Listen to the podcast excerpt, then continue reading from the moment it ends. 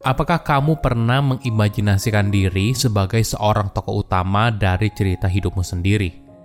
Jika iya, ini adalah hal yang sama dilakukan oleh banyak orang. Tapi sayangnya, mayoritas dari kita justru hidup dalam kondisi autopilot. Perilaku standar kita dipengaruhi oleh naluri alamiah, evolusi, dan budaya. Semua ini memprogram diri untuk menjalani hidup secara otomatis jika kita tidak berusaha ambil kendali. Jadi tidak heran kita mungkin saja bereaksi pada sebuah situasi tanpa menyadari kalau kita kehilangan kesempatan untuk berpikir. Menariknya, kamu tidak perlu lebih cerdas dari orang lain untuk jadi lebih baik. Yang penting, kamu sadar situasi yang kamu hadapi sekarang, dan kamu bisa berpikir dengan rasional sebelum mengambil keputusan apa pun. Ini mungkin terdengar klise, tapi berapa banyak dari kita langsung masuk ke mode marah ketika mendengar berita buruk? Berapa banyak dari kita yang langsung menjual saham yang kita miliki setelah ada berita yang kurang baik? Dalam situasi yang mendesak, kita sering kali kehilangan kendali diri dan beralih ke mode standar. Mode untuk bertahan hidup dengan dua pilihan, entah kabur atau melawan. Halo semuanya, nama saya Michael. Selamat datang di channel saya, Sikutu Buku. Kali ini saya akan bahas buku Clear Thinking karya Shane Paris. Buku ini membahas bagaimana cara kita berpikir dengan benar, sehingga kita bisa mengubah momen biasa aja menjadi peluang yang luar biasa. Kamu mungkin percaya kalau kamu merupakan orang yang berpikir dengan benar di momen yang penting. Tapi sering kali ketika tekanan begitu berat, kita mengambil keputusan tanpa berpikir. Alhasil, keputusan tersebut menjauhkan kamu dari hasil yang kamu dambakan – entah itu soal cinta, kesuksesan, kekayaan, atau kemenangan. Menurut penulis, kita perlu belajar untuk menyadari peluang ini apa adanya. Jadi kita bisa berpikir dengan benar untuk menciptakan hidup yang kita mau. Inilah yang membedakan orang sukses dan tidak. Mereka bukan orang yang lebih cerdas, tapi mereka selalu berusaha dan memastikan kalau mereka dalam posisi yang lebih baik kamu akan jauh lebih mudah untuk berpikir dengan jelas dan membuat keputusan yang benar ketika berada di posisi tersebut. Saya merangkumnya menjadi tiga hal penting dari buku ini. Pertama, kenapa kita sulit berpikir dengan benar? Suatu hari, ketika bekerja dengan seorang CEO yang sangat mudi, penulis mendengar dia berteriak di kantornya dan mengatakan kalau karyawannya harus tahu diri. Ternyata karyawan itu berusaha melaporkan sebuah masalah yang penting dan CEO itu tidak menggubrisnya, malah memarahi karyawan tersebut.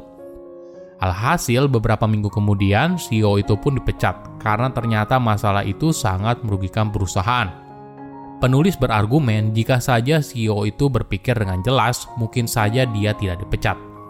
Sama halnya ketika kamu bersama penonton yang lain bertepuk tangan di akhir sebuah pertunjukan Padahal sebenarnya itu merupakan pertunjukan yang buruk buat kamu.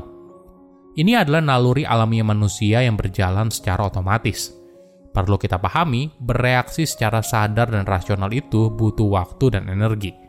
Nah, bayangkan apabila semua keputusan harus kita ambil secara sadar. Mungkin otak kita mengalami overload atau apa yang kita kerjakan menjadi sangat lama. Jadi untuk aktivitas yang pernah kita kerjakan di masa lalu atau aktivitas yang mirip, kita cenderung menggunakan mode otomatis. Namun sayangnya, sistem ini tidak sempurna dan bisa saja membuat kita rugi besar apabila kita terlalu bergantung kepadanya. Menariknya, kita mungkin sering membaca atau mendengar betapa pentingnya berpikir dengan jelas. Tapi sayangnya, rasionalitas kita mungkin tidak berguna apabila kita tidak tahu kapan harus menggunakannya. Kedua, empat musuh utama dari berpikir dengan jelas. Apa yang membuat kita sulit berpikir dengan jelas? Pertama, emotional default. Ini adalah situasi di mana kita bereaksi menggunakan perasaan daripada nalar dan logika. Ketika kita dalam situasi emosional, sering kali kita bicara atau bertindak yang mungkin kita sesali di kemudian hari. Jadi kamu harus sadar apakah kamu sedang berada dalam kondisi emosional atau tidak. Jika iya, maka tahan dirimu untuk buat keputusan atau bicara. Tunggu hingga kamu tenang, baru kamu kembali. Mungkin saja kamu mengambil langkah yang berbeda. Kedua, ego default. Kita cenderung bereaksi pada apa pun yang mengancam harga atau nilai diri. Ego adalah suara kecil di benak kita yang mengatakan kalau kita lebih baik dari orang lain. Kadang, walaupun kita hanya punya pengetahuan yang minim, tapi kita tetap percaya diri, alhasil mungkin saja kita malah membuat pilihan yang buruk. Ketiga, social default. Ini merupakan kecenderungan seorang untuk mengikuti norma yang ada di masyarakat. Kamu mungkin pernah dengar sebuah saran kalau kamu diminta untuk sekolah yang benar, kerja yang rajin, lalu menikah, punya anak. Ini adalah norma yang diharapkan oleh masyarakat kepada kita. Tapi bayangkan apabila kamu sudah berusia matang tapi belum menikah. Bagi mayoritas orang, mereka mungkin berusaha sebisa mungkin untuk mencari pasangan demi memenuhi ekspektasi masyarakat. Tapi bagaimana bila hal ini kemudian buat mereka menderita di kemudian hari? karena memilih pasangan secara buru-buru. Keempat, inertia default. Manusia adalah makhluk kebiasaan dan selalu mencari kenyamanan. Kita cenderung anti perubahan dan memilih ide, proses, atau lingkungan yang familiar. Jadi cara terbaik untuk menyadari sebuah kebiasaan adalah coba berhenti sejenak, lalu tanyakan ke diri sendiri, kenapa saya melakukan ini? Menghentikan sebuah kebiasaan memang tidak mudah, oleh karena itu, cara terbaik adalah dengan mengganti kebiasaan lama dengan kebiasaan baru. Ketiga, tips berpikir dengan benar. Bagaimana cara kita agar bisa tetap tenang ketika berada dalam situasi yang buruk? Misalnya ketika kamu mendengar sebuah berita buruk, bagaimana cara agar kamu tidak langsung marah? Ada empat latihan yang bisa kamu praktekkan. Pertama, self-accountability – Artinya kamu bertanggung jawab atas dirimu sendiri. Kamu bertanggung jawab atas kesalahanmu. Kamu juga percaya apa pun yang terjadi pasti ada sesuatu yang bisa kamu lakukan sekarang untuk membuatnya jadi lebih baik. Ketika kita menyalahkan orang lain atas situasi yang kita hadapi, ini sebenarnya cara kita melindungi ego kita sendiri. Tentu saja tidak semuanya salah kamu, tapi itu adalah tanggung jawab kamu.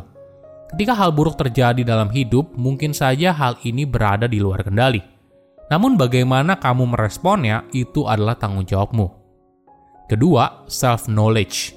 Artinya kamu sadar diri atas kekuatan dan kelemahan. Untuk sukses dalam hidup, kita harus sadar apa yang kita tahu dan apa yang tidak kita tahu. Jadi, kamu bisa pick the battle, mana pertarungan yang bisa kamu menangkan atau tidak. Bukan hanya sekedar percaya diri atau keberuntungan semata. Ketiga, self-control Artinya kamu belajar menguasai diri dari perasaan yang timbul dan tenggelam. Perasaan tidak selamanya buruk. Ini merupakan tanda ketika kita menghadapi situasi di luar diri. Keempat, self-confidence. Artinya kamu percaya atas kemampuan diri dan nilai dirimu di mata orang lain. Agar kita bisa berpikir secara independen, kita harus punya kepercayaan diri. Kita harus percaya atas keputusan yang kita ambil. Seringkali kita mengambil sebuah keputusan karena ada rekomendasi dari orang yang kita percayai atau orang yang ahli. Namun hal ini tidak selalu berhasil. Jika kita tidak berpikir secara mandiri, maka jangan heran apabila kita bisa terjebak dalam skema penipuan.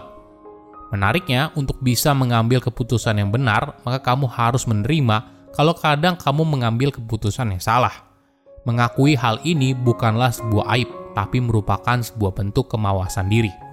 Silahkan komen di kolom komentar pelajaran apa yang kalian dapat ketika baca buku ini. Selain itu, komen juga mau buku apa lagi yang saya review di video berikutnya. Saya undur diri, jangan lupa subscribe channel YouTube Sikutu Buku. Bye-bye.